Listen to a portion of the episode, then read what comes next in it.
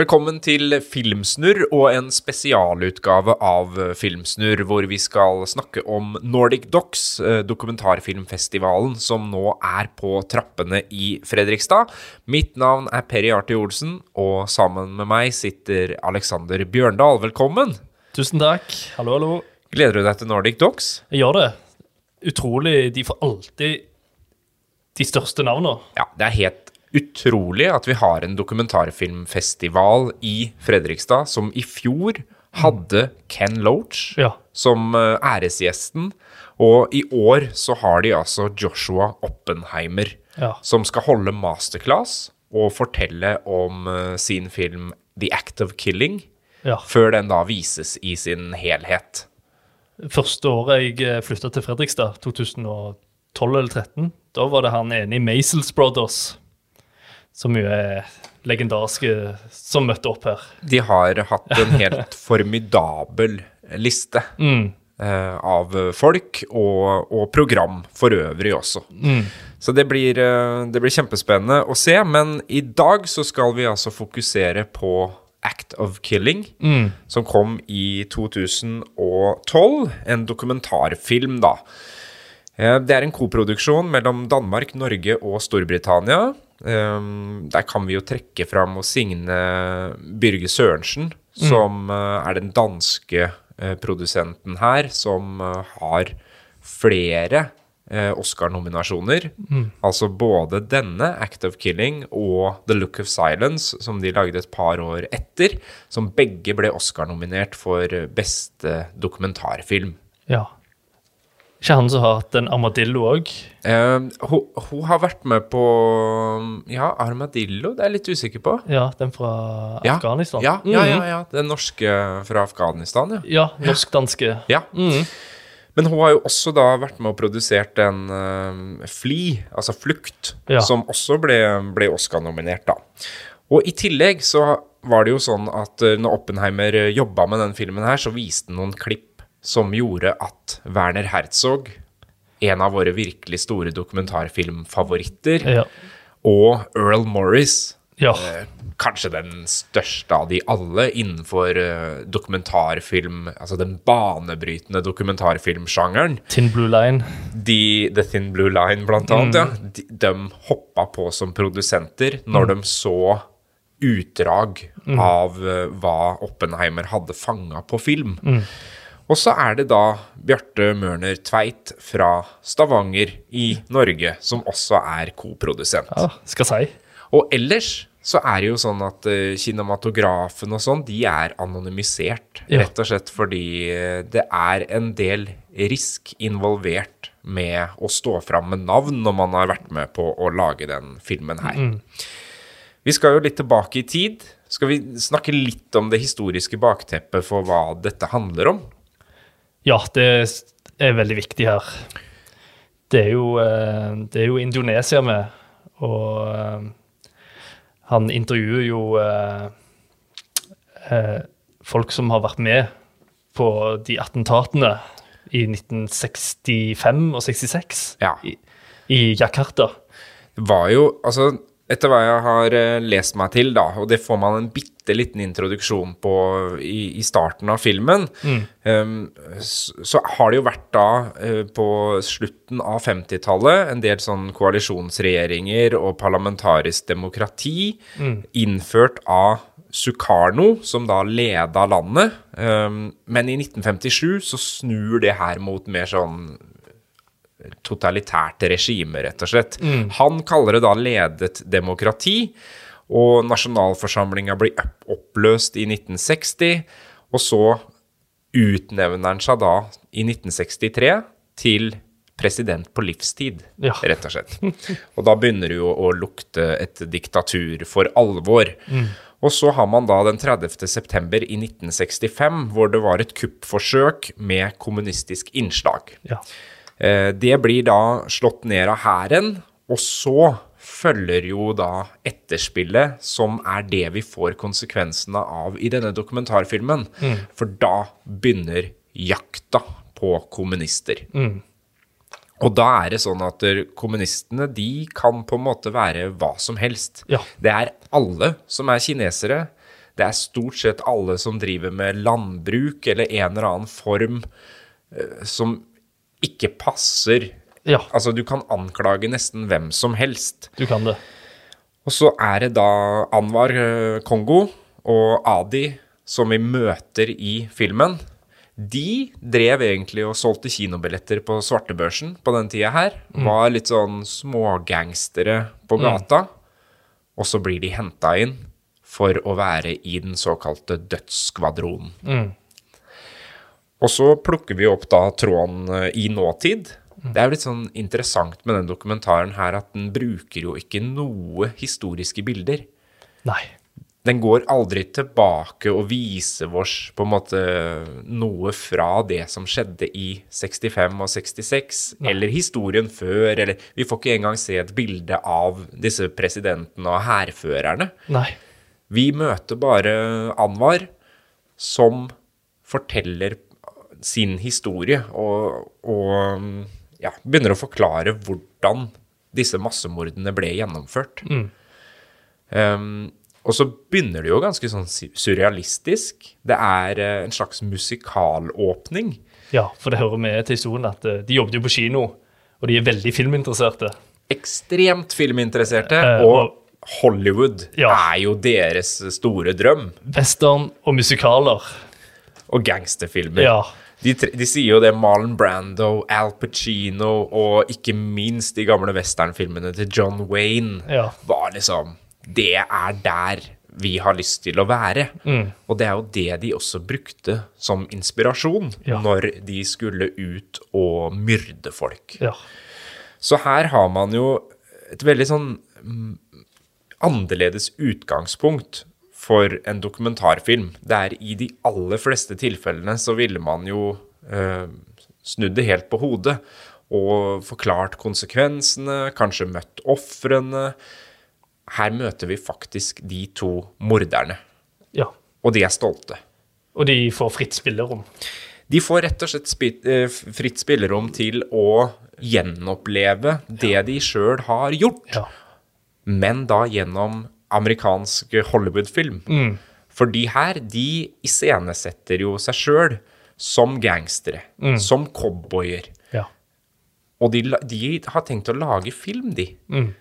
Hvor de får med seg Det er jo Det starter jo helt sånn surrealistisk med at de går rundt i gatene og prøver å få med folk Ja. som skal spille ofre. Og veldig mange av disse husker jo eh, etterfølgelsene. Ja. Eh, noen av dem har fått familiemedlemmer drept. Ja. Men disse folka har så mye makt Ja. at de blir De får med seg folk på å spille ut sine verste mareritt Ja. på nytt. Den begynnelsen er jo veldig forvirrende. Ja, den er veldig forvirrende, for det, det tar litt tid før man kommer inn i filmen og på en måte skjønner eh, hva er prosjektet. Mm. Og sånn etisk sett så kan man også liksom føle hva, hva er egentlig det her? Ja. Um, men ja. Det blir sånn ondskapens banalitet, da. Man får litt sånn Hanne Arnt-tanker. Var dette et system hvor disse folka blir fanga og blir mordere ut av det, eller er de virkelig, tar de virkelig glede i det de gjorde? Fordi at det, de forteller altså så i detalj om hvordan de eh, dreper, torturmetoder, om overgrep, om voldtekter. Ja. Og de er så stolte. Det er på en måte ikke mennesker de snakker om. Nei. Og samtidig så er det scener hvor det menneskelige i dem kommer veldig mm. tydelig fram. Ja. Altså, de har familie, de har barnebarn, de har et forhold til eh, samfunnet de lever i.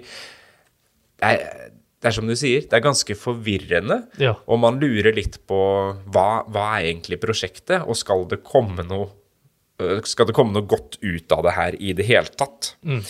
Um, men de blir altså regissører og tar på en måte over narrativen, øh, som du sier. Og da øh, skal jo de få fritt spillerom da, til å lage og gjenskape scenene. Og det er annet å brenne ned en landsby øh, med barn, med kvinner, med menn som da øh, angivelig er kommunister, og skal drepes. Ja. Eh, og da etter hvert så begynner det jo å skje noe. Ikke med alle, men med noen av dem som begynner å stille noen spørsmål underveis med hva er det egentlig vi har eh, vært med på, og Ja. hva er det egentlig vi holder på med nå. Ja. For eh, det virker jo helt utrolig at han har fått de med seg på dette her. Det er akkurat det. Ja. Og det er vel kanskje det som er nøkkelen her, at i, et, i veldig mange andre situasjoner og andre land så ville ikke disse folka verken innrømma det Nei. eller ønska å stå fram. Nei.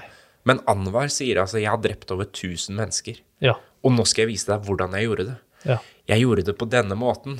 Og hvis vi kan spille det inn som en gangsterfilm, så kan jeg spille ut hvordan jeg gjorde det. Nei, du, du nevnte jo Hanne Arendt, liksom. De, de eh, nazistene der, de tilsto jo aldri. Det var liksom systemet. Det var på en måte systemet der, mens her er det jo fortsatt en oppfattelse av at de hadde rett. Ja. Og de utøver jo så mye frykt i det landet. De skal jo annet samle inn penger da, for å ha råd til å lage disse scenene. Og da går de jo til lokale folk som selger mat eh, på gata, som har butikker, Ja. og kommer brasende inn som sånne gangstere du ser på film. Ja. Slår i bordet og sier at 'gi meg penger'. Ja. Gi oss mer penger enn du vanligvis gir oss. Og sånn er hverdagen deres. Ja. Det er veldig sånn uhyggelig å se på, Ja. og samtidig sånn merkelig fascinerende. ja. Er det ekte, eller hva er det for noe, liksom? Ja. Ja. Og så begynner de med å diskutere da, hvordan vil vi framstå hvis denne filmen blir vellykka.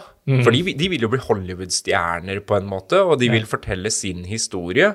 Men så er det jo en som sier da at vi må tenke oss litt om, gutter, fordi at der, hvis vi presenterer det sånn som det var, så vil det jo framstå at kommunistene faktisk var ofrene. Mm, ja, ikke sant? Så de begynner å reflektere over liksom og, og det er de helt enige i, da. Det var jo vi som var de verste. Det var ikke kommunistene det var noe gærent med. Nei.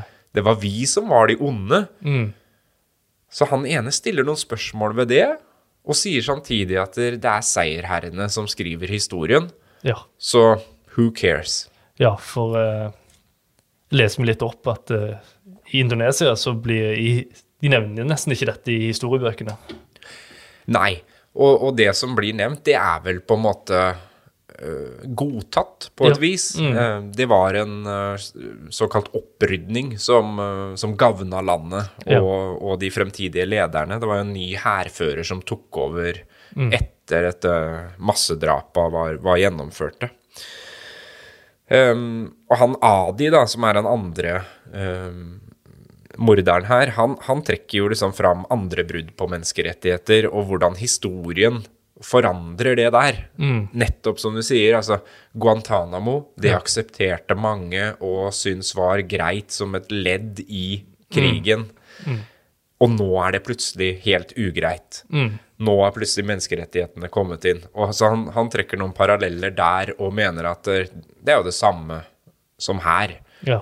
Eh, bare at man sier nå at det ikke var riktig, betyr ikke at det ikke var riktig da. Så han forsvarer jo fortsatt eh, massedrapa.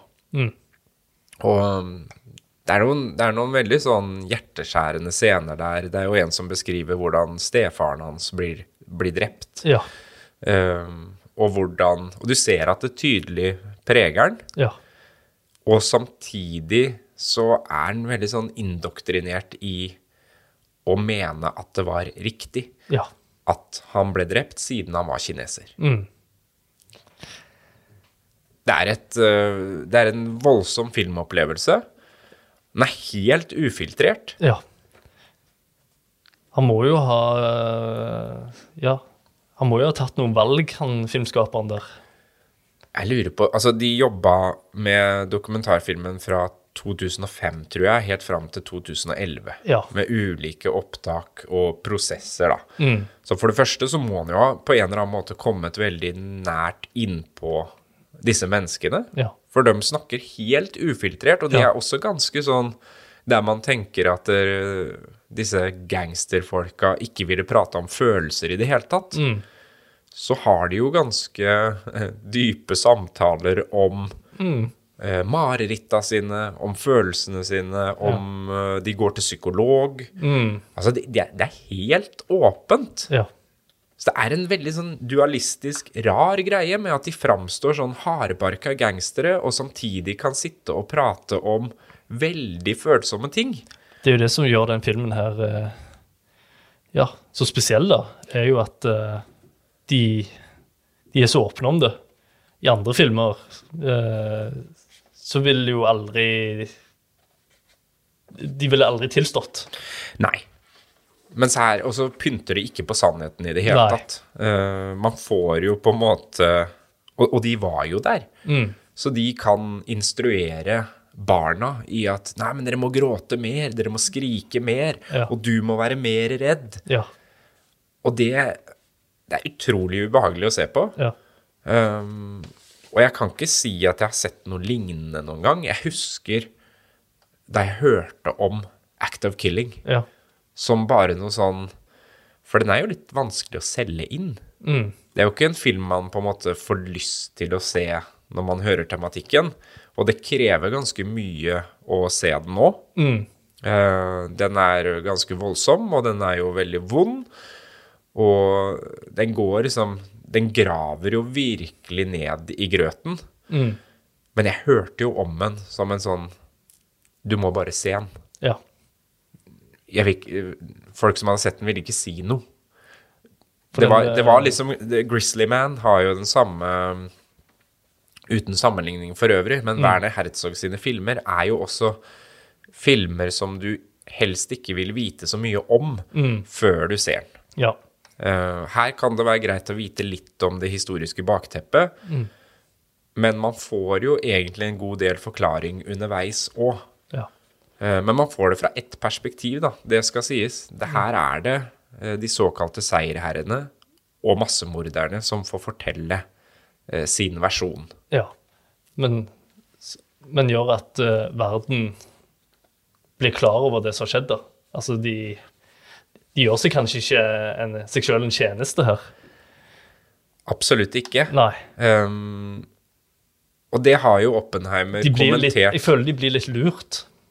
Ja, og det er veldig interessant at du sier, for det Mm. tenker man jo underveis, at her er det folk som ikke skjønner hva de er med på. Mm. Eh, Så de blottlegger seg på en måte som gjør at eh, menneskerettighetsdomstolen i Haag kommer til å hente dem eh, Mm.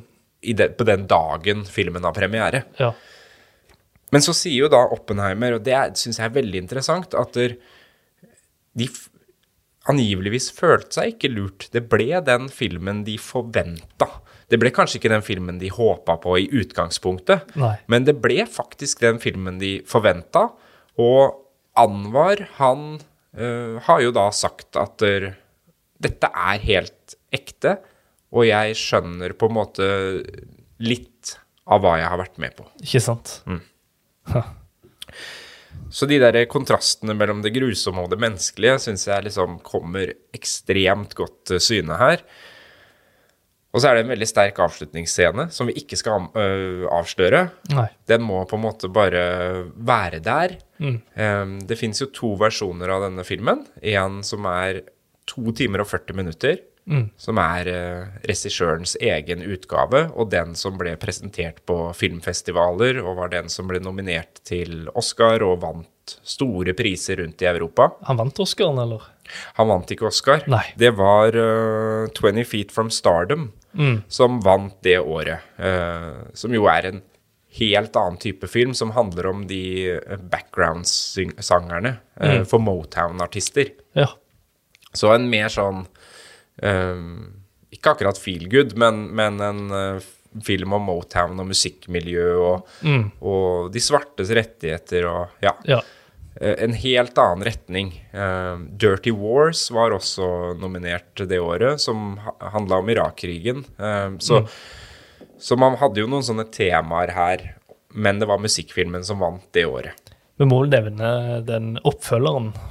Ja, vi må også nevne oppfølgeren. Jeg skal bare uh, si først at det er altså en kinoversjon som er på to timer, og så er det en på to timer og, og 40 minutter. Og så var det jo litt eh, det, det er jo lenge for en dokumentarfilm.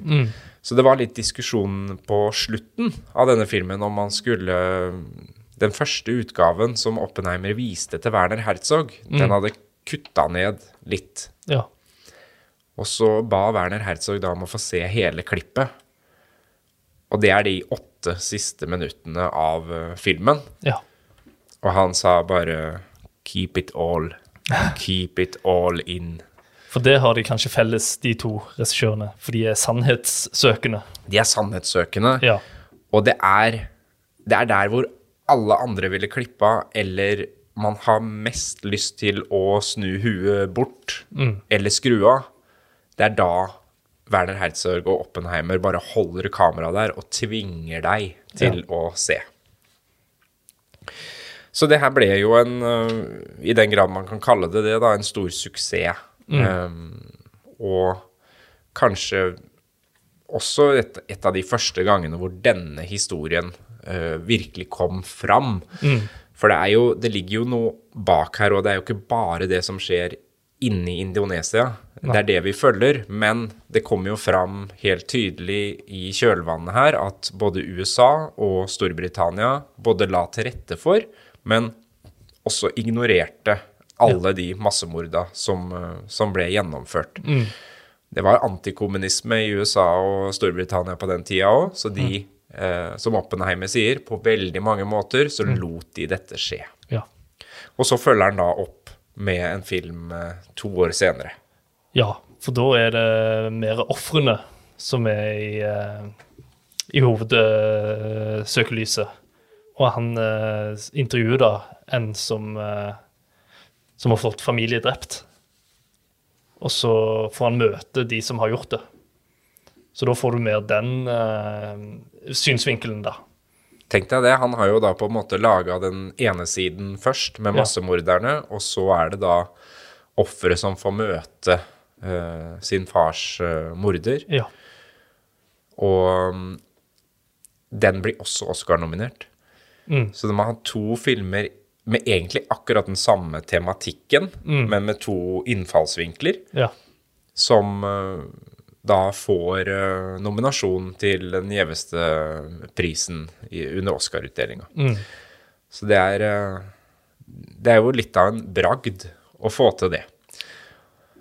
Og lørdag 30. september så sitter han altså i kinosalen på Fredrikstad kino under Nordic Docs for å holde en masterclass, uh, etterfulgt av visning av Act of Killing. ja. Så det er Det eh, utrolig stas og utrolig spennende. Og ellers så har jo Nordic Dogs Kan du tenke deg å se den igjen? Det er jo Jeg så den Jeg har sett uh, store deler av den. Jeg så den da den kom, og så har jeg sett den en gang til etter det. Mm. Og det er bare helt uh, det, det, det er nesten så grusomt at man må liksom distansere seg litt fra det underveis. Mm. Så å se den på kino, det vet jeg ikke hvordan kommer til å bli, rett og slett. Um, det er ganske heftig. Det som man kan gjøre hjemme, er jo at man kan ta noen pauser underveis. Ja. Du kan stoppe den og, Jeg husker jeg måtte gjøre det. og ja, rett og slett gå tilbake. Ja. Og det er litt sånn vanskelig å beskrive, for det er jo ikke nødvendig Det er jo ikke noe masse blod og gørr eller uh, Det er jo ikke reelle torturscener. Nei. Men det blir nesten verre bare at de prater om det, og de er så nøye Ja. når de skal beskrive og, gjen, altså, og gjeninnspille det her. Mm. Så det er eh, Ja, nei, det er en krevende film å se, Mm. men eh, Desto viktigere. desto viktigere. Jeg tenker at alle som ikke har sett den, har en gyllen mulighet til å få seg knyttneveslag i magen hvis de orker det. Ellers på Nordic Docs så er det jo filmsamtale med Tonje Hessen Skei, en av de virkelig produktive dokumentarfilmskaperne vi har her i Norge. Og Aslaug Holm kommer til samtale med Madeleine Schultz og Anne Fjellro. Og så har de fokus på Jan Knutsen, en av kortfilmskaperne som har vunnet æresprisen tidligere for Nordic Docs, eh, mener jeg. Um, og så er det et arrangement som vi på Frøysa bibliotek er høyst delaktig i. Og det er et sånn mer lokalhistorisk eh, arrangement om Jonny Bjørnulf. Filmfotografen. eh, altså, Fra Fredrikstad. ja. Og han, mange husker sikkert Bjørnulfgården og fotobutikken der. Men han var jo også da eh, filmskaper, rett og slett. Og det vi skal ta for oss nå, det er 1953 og at Jonny Bjørnulf var den første som hadde visning av 3D-film i Norge. Yes. Tenk deg det. Det visste jeg ikke. Og han laga altså 3D-filmer. Uh, fant sin egen teknikk for det. Det hadde jo liksom en liten boom akkurat rundt 50-tallet. Ja. Da, var, da falt uh, kinobesøk i USA. De tenkte nå må vi finne på et eller annet. Mm. Så de begynte å produsere 3D-film, da. Mm. Og han Vi skal vise tre eller fire filmer som, som hvor han tester ut effekten av 3D-film. Det å kaste en ball mot kamera, eller følelsen av at du kan plukke eplene som henger rett foran deg. Ha. Og det er filma fra gamlebyen, det er filma hjemme hos han sjøl. Og så begynte han da å lage informasjonsvideoer for SAS Bråtens. Ja. Så det er flyvefilmer, og det er en spektakulær solformørkelse hvor noen mener, til den dag i dag, at det er en ufo som dukker Oi. opp. Så, så her er det masse å ta tak i. Um, og dattera hans kommer for å uh, prate, og det, dette blir uh, et veldig spennende arrangement, hvor vi både skal se litt på filmhistorien og på personen Jonny Bjørnulf, og ikke minst en helt unik mulighet til å sitte med 3D-briller og se de første 3D-filmene produsert i Norge fra 1953. Nei, det For et fantastisk program, altså. Nei, Det er Så så, gøy. mye. Ja. Variert. Veldig variert, masse gøy å, å se. Og får du ikke sett det under festivalen nå, så får du ikke sett de 3D-filmene. Men Nei. de andre filmene, de kan du jo uh, få tak i. Og The Act of Killing kan du bestille og låne på Fredrikstad bibliotek, hvis Det du ønsker du. det. Eller møte opp på kinoen til masterclassen med Oppenheimer. Det var Filmsnurr for denne gangen. Ja. Ja. Takk for i dag, Alex. Takk for oss. Produsert av Fredrikstad bibliotek.